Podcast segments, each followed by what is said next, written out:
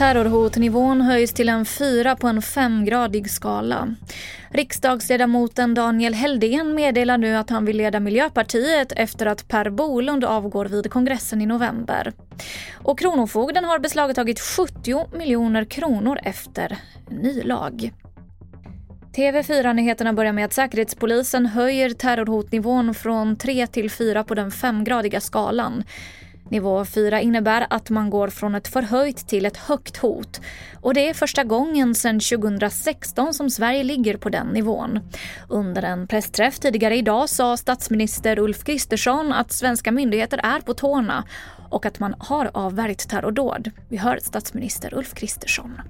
Jag tycker inte man ska vara rädd. Jag förstår att människor känner oro. Det har jag full förståelse för. Men allt vi gör nu det är till för att man ska kunna leva sitt liv som vanligt. Inte begränsa sitt liv. Det är viktigt. Vi kommer att höja säkerheten och skyddet på många olika områden.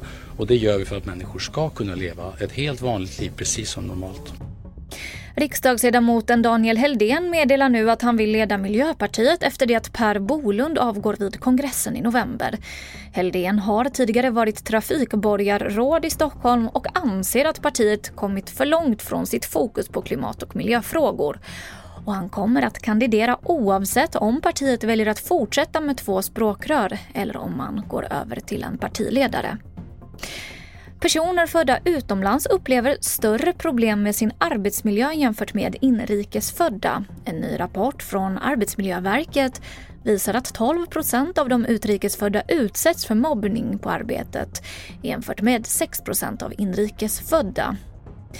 Till sist kan vi berätta att Kronofogden har beslagtagit 70 miljoner kronor efter att en ny lag öppnar upp för utmätningar per telefon. Det här meddelar myndigheten idag. Lagen infördes förra året och ger Kronofogden rätt att med hjälp av polisen utmäta tillgångar utan att själva vara på plats. Om dyra klockor hittas i en misstänkt bil räcker det med ett telefonsamtal.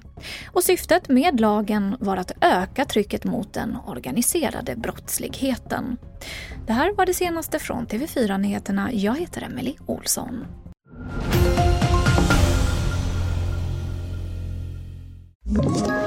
Ett poddtips från Podplay. I fallen jag aldrig glömmer djupdyker Hasse Aro i arbetet bakom några av Sveriges mest uppseendeväckande brottsutredningar.